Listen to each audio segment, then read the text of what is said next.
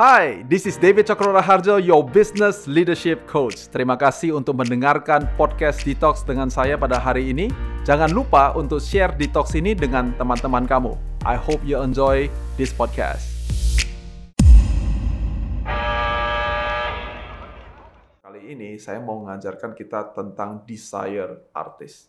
Dan pertanyaan pertama yang saya mau tanyakan kepada kalian semuanya, yaitu adalah apa yang menjadi mimpi kalian.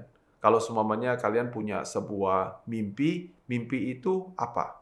Nah, kemudian saya mau bertanya pertanyaan yang lebih detail, yaitu adalah kalau ada satu kata yang menggambarkan diri kalian, kira-kira apa yang menjadi deskripsi daripada diri kalian itu? Contoh, kalau saya menganggap diri saya sendiri, saya menganggap saya adalah orang yang simple. Tapi itu adalah saya menggambarkan diri saya sendiri sebagai orang yang simple. Nah, pertanyaan keduanya adalah kalau kemudian kita tanyakan kepada kolega kita, kita tanyakan kepada keluarga kita, atau kepada sahabat kita, atau kepada orang-orang di sekitar kita, apa satu kata yang menggambarkan diri saya? Jadi kalau saya menganggap diri saya adalah orang yang simple, orang-orang di sekitar saya menganggap saya seperti apa? Mungkin bisa kebalikannya, mereka bisa mengatakan bahwa adalah, oh lu orang yang kompleks, gitu ya. Jadi saya merasa diri simple, tapi orang lain merasa saya adalah kompleks. You see, jurang atau perbedaan yang ada antara bagaimana saya melihat diri saya sendiri dengan orang lain melihat saya, di situlah mendapatkan satu kata, yaitu kata atraktif. Atraktif itu adalah dua arah. Kalau kalian pernah pacaran atau pernah jatuh cinta, chemistry atau attractiveness itu adalah dua arah. Ada orang yang melihat satu orang, dia merasa orang ini tampan atau cantik. Tapi ada orang lain yang merasa bahwa dirinya tidak tampan atau tidak cantik. Padahal kita lagi cerita orang yang sama, pakaian yang sama, occasion yang sama, uh, spotlight yang sama, semuanya sama, and yet berbeda orang melihat hal yang berbeda-beda. Ada orang yang merasa bahwa hidupnya itu semuanya dia tidak pernah bisa dapat pacar dan ini cerita beneran yaitu adalah karena dia merasa bahwa dia pendek dan dia selalu merasa bahwa alasan kenapa saya bisa mendapat pasangan hidup yang baik adalah karena saya tinggi. He always tell me bahwa adalah iyalah fit, lu kan tingginya 6 foot, dia bilang kayak begitu. Saya ini mah cuman 5 foot 2, 5 foot 3, dia bilang kayak begitu. Uh, kaki tiga inches saja gak sampai gitu. Dan dia katakan bahwa adalah makanya gua susah kayak begitu. Dan you know what? It is so funny karena waktu kita berbisnis uh, dan dia bilang bahwa saya bisa berbisnis dan saya punya kepercayaan diri karena saya tingginya 185. Tapi kalau dia dia pendek katanya begitu. And you know, dalam pacaran dia bilang sama saya alasannya karena dia pendek. Dia gak bisa jualan karena dia bilang karena alasannya dia pendek. You see, ada sesuatu yang dia deskripsikan kepada diri dia sendiri dan kemudian ada sesuatu yang orang lain deskripsikan kepada diri kita masing-masing. Dan di anta kalau jurangnya jauh, maka kita bilang gini, gak kena chemistry-nya. Seperti saya kurang cocok duduk sama orang yang kelewat negatif. Saya bukan anti orang yang pesimis, saya juga tidak anti orang yang berhati-hati. Tapi kalau kelewat negatif, saya gak ada chemistry-nya. I'm not attracted to negative people.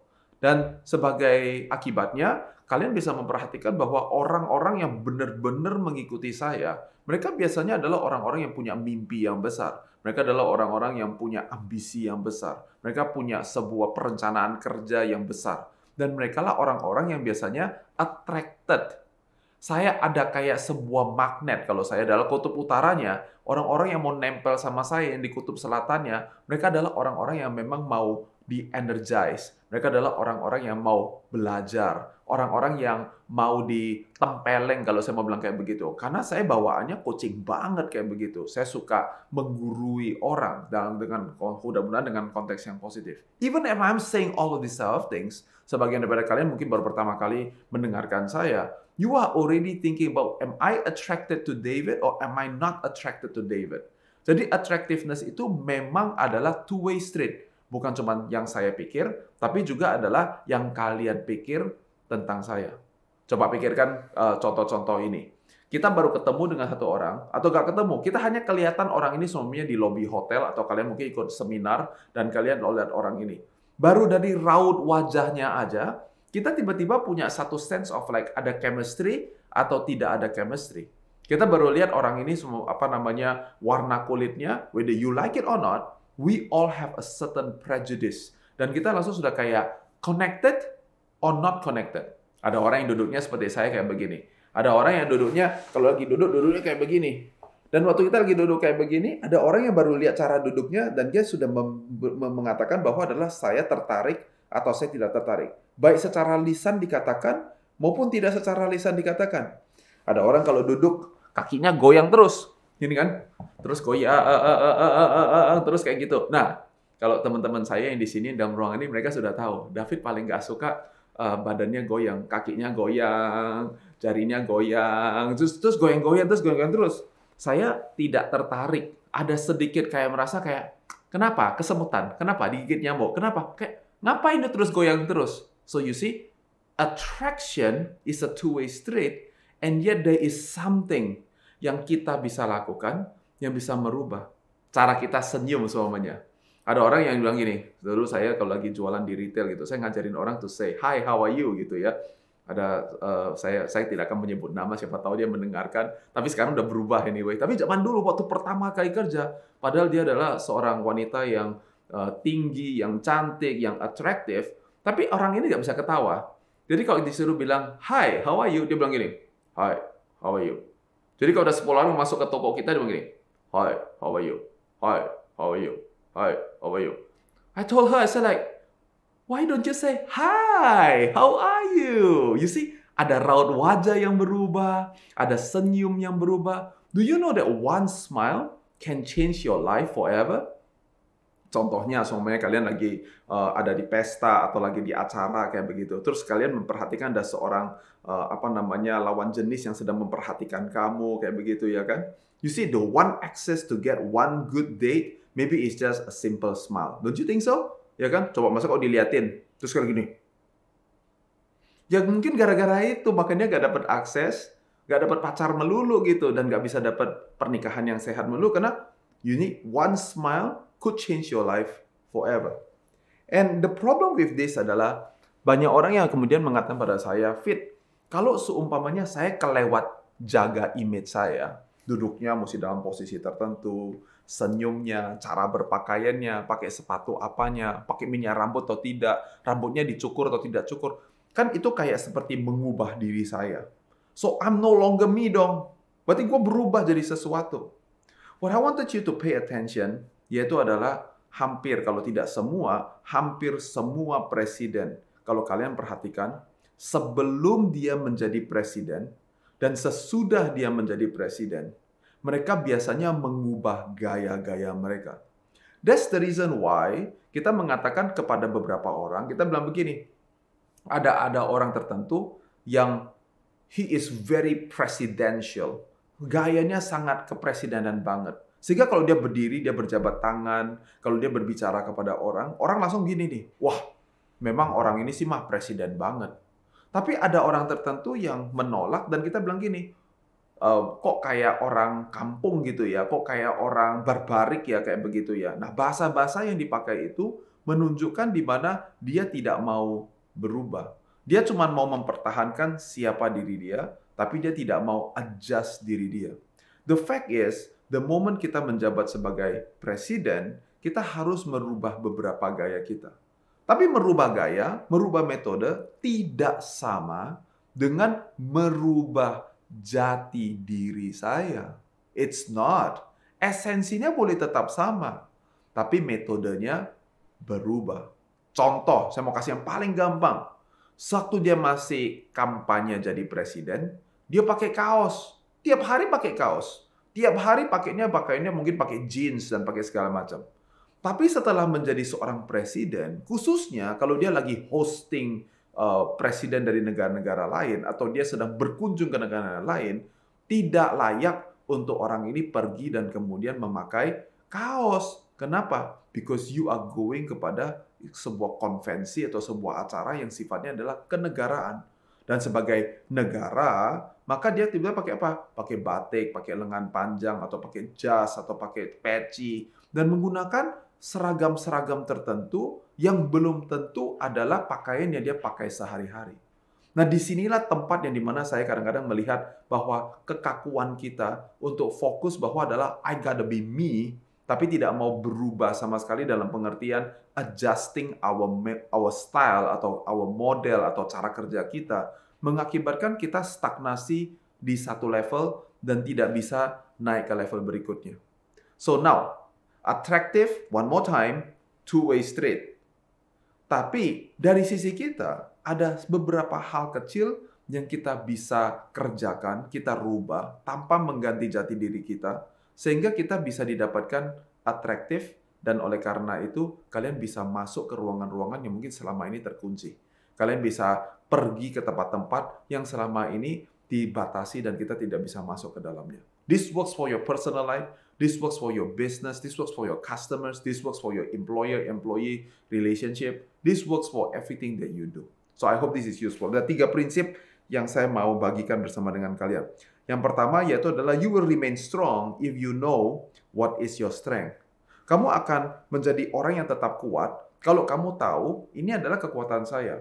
You know what is the biggest problem pada saat kita mau handle masalah ini? When you want to talk about attractiveness, masalahnya adalah kalau orang itu tidak tahu letak kebagusan dia di mana, letak kekuatannya di mana. Contoh, kalau semuanya mengambil sebuah foto, seperti sekarang ini mau melakukan di forum ini. Saya pada saat melakukan ini, barusan saya dikasih pasangin kamera, and I look at the screen and I told my friend, I say like, bro, saya rasa ada sesuatu yang aneh. Angle ini membuat saya kelihatan seakan-akan limnya saya lebih besar, lebih panjang daripada badan saya. Jadi kayak badan saya tidak proporsional. Maka kita menggantinya sedikit. Nah, uh, inspirasi daripada syuting video hari ini gara-gara saya menonton sedang menonton sebuah dokumenter dan saya melihat bagaimana ada orang yang lebih tinggi daripada saya dibikinin tempat duduknya seperti ini and I say like wow it's so nice and so I decided to change I realized that untuk ukuran orang Indonesia saya juga tergolong orang yang tinggi dan saya pikir adalah bagus juga ya kalau bisa kayak begitu So you gotta understand what is your strength. Saya baru cerita sama kalian tentang postur tubuh secara fisik. Tapi juga kita perlu mengetahui kekuatan kita secara intelektual, secara emosional, secara relational. Apa sih yang sebetulnya kamu bisa kerjakan? Kalau kita nggak tahu, bahkan kita nggak tahu titik kekuatan kita adalah apa, itu sebabnya pada saat kita merubah diri kita, istilahnya pasang makeup, walaupun sudah pasang makeup, kamu tetap tidak confident dengan makeup yang dilakukan. Saya bertemu dengan beberapa orang yang tidak terbiasa pakai jas dan ini tentunya untuk laki-laki gitu ya. Dan kemudian pada saat mereka dipasangin dasi sampai tutup semuanya ke atas dan kemudian dengan dasinya rapi dipakein jas. Padahal jasnya mahal. Padahal dasinya bagus. Padahal lipetannya semuanya necis. Semuanya bagus. Tapi sampai orang itu kemudian berjalan, tiba-tiba jalannya kayak kaku dan dia tidak bisa bergerak. Kenapa? Karena dia tidak mengenali kekuatan dia. I give you another example semua jas-jasnya saya pada saat saya lagi bikin, saya selalu, selalu bilang sama tailornya, saya bilang adalah, Pak boleh gak tolong di pundak saya ini jangan ditaruh busa. Dan kalau tailor yang nggak kenal saya, selalu bilang gini, oh nggak bisa, bu jas itu harus ada busanya dan semua-semuanya. Dan kemudian saya menjelaskan kepada tailor, saya bilang gini, Pak, saya badannya ini lebar, pundak saya tinggi, Pundaknya orang lain biasa pundaknya ini jatuh ke bawah begini. Pundak saya coba lihat nih, lurus kayak begini. Kalau Bapak taruh lagi busa, saya jadi kayak robot, jadi besar. Nah, it requires orang yang mengerti kekuatan dia sendiri, yang bisa merubah sesuatu. Untuk orang yang normal, pakai busa. Orang Indonesia pada umumnya, jasnya itu selalu ada busanya di sini. Tapi saya nggak punya potongan orang Indonesia yang normal pundak saya sangat lurus. I have a very wide chest. Jadi saya bilang, saya nggak mau pakai. That is what it means. Kalau kalian tidak mengenali kekuatan kalian sendiri, kalian nggak tahu apanya yang mau di-highlight, apanya yang mau di, uh, di, di, ditunjukkan keluar. Dan oleh karena itu, sangat susah untuk become attractive kepada orang lain when you don't even know that is the source of your own attractiveness.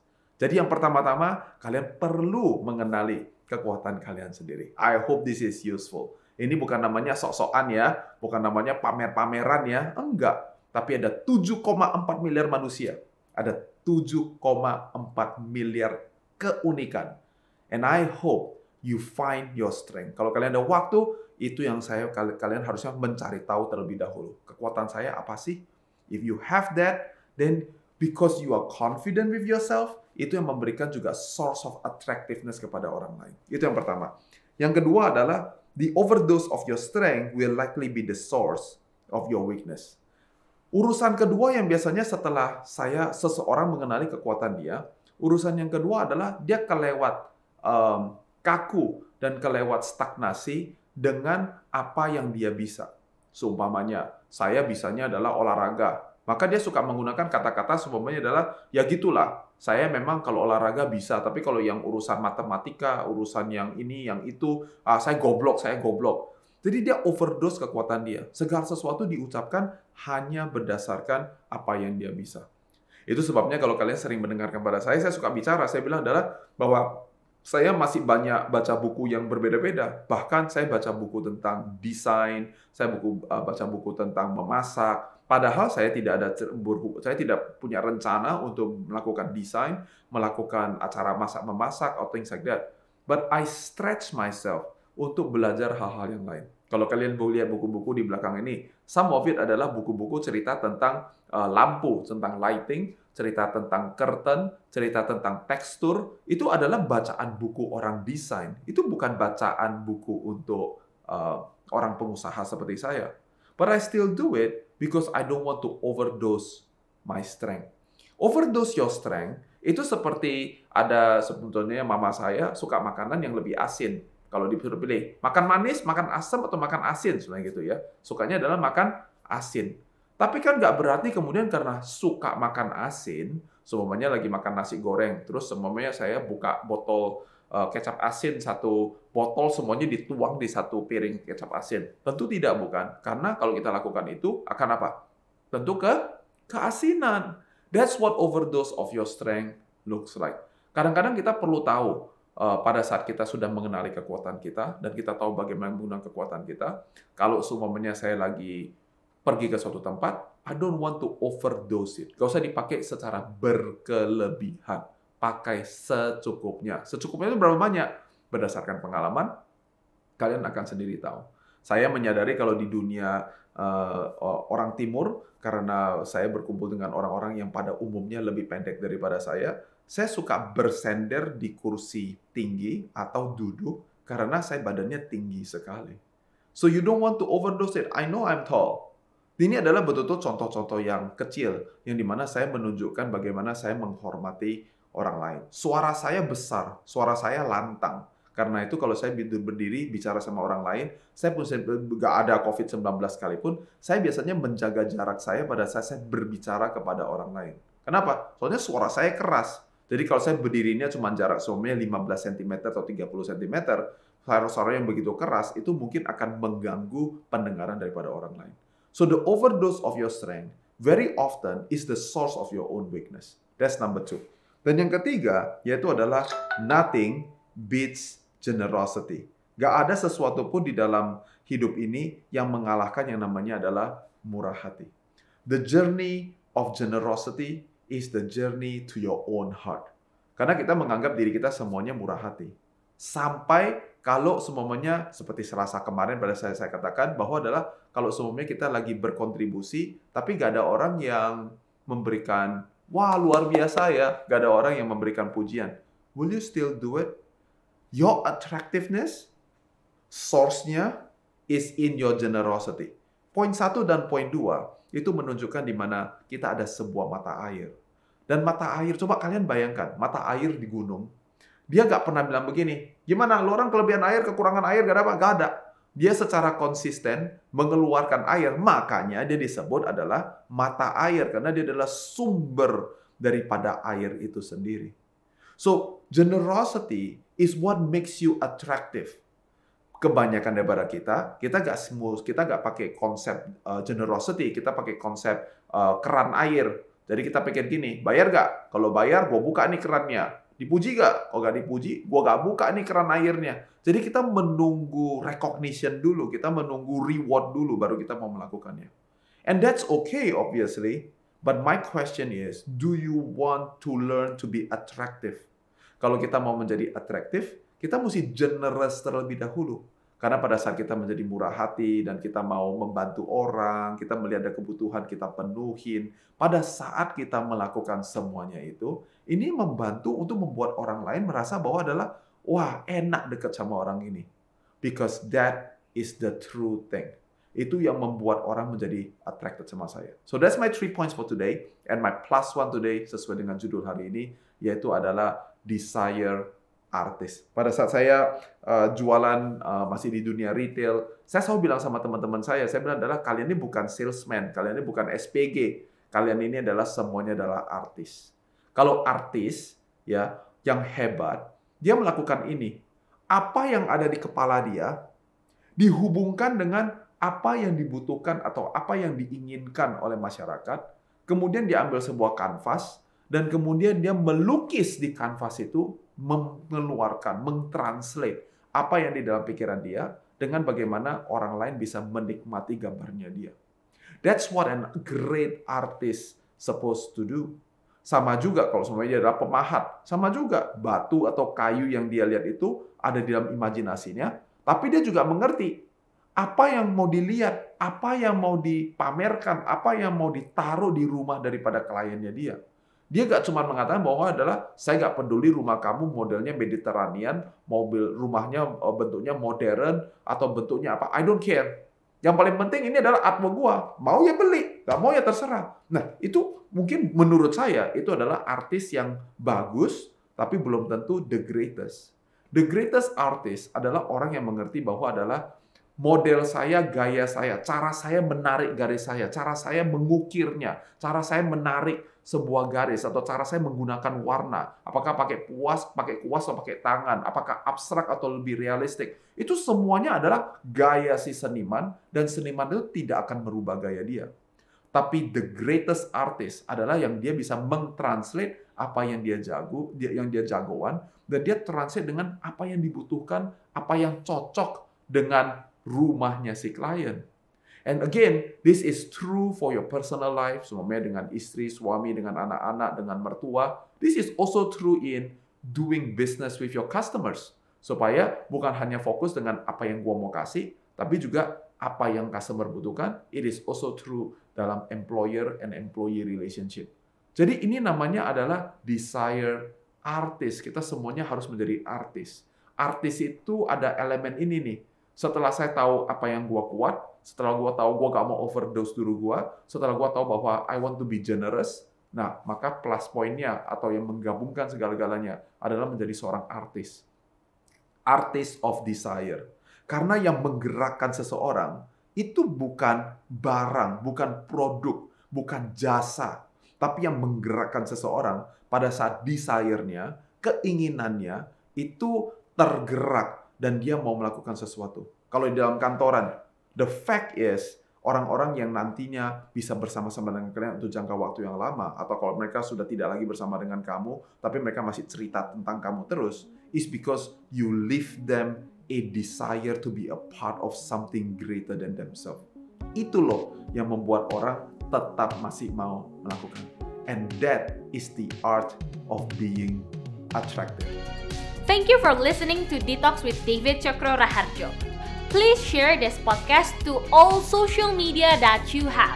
Kalau kamu mau tahu lebih banyak tentang Coach Diti, kamu bisa cek description box dari Detox ini atau go to our website di www.davidcokroraharjo.com. Dan jangan lupa untuk follow Instagram Coach Diti di @dtjokron.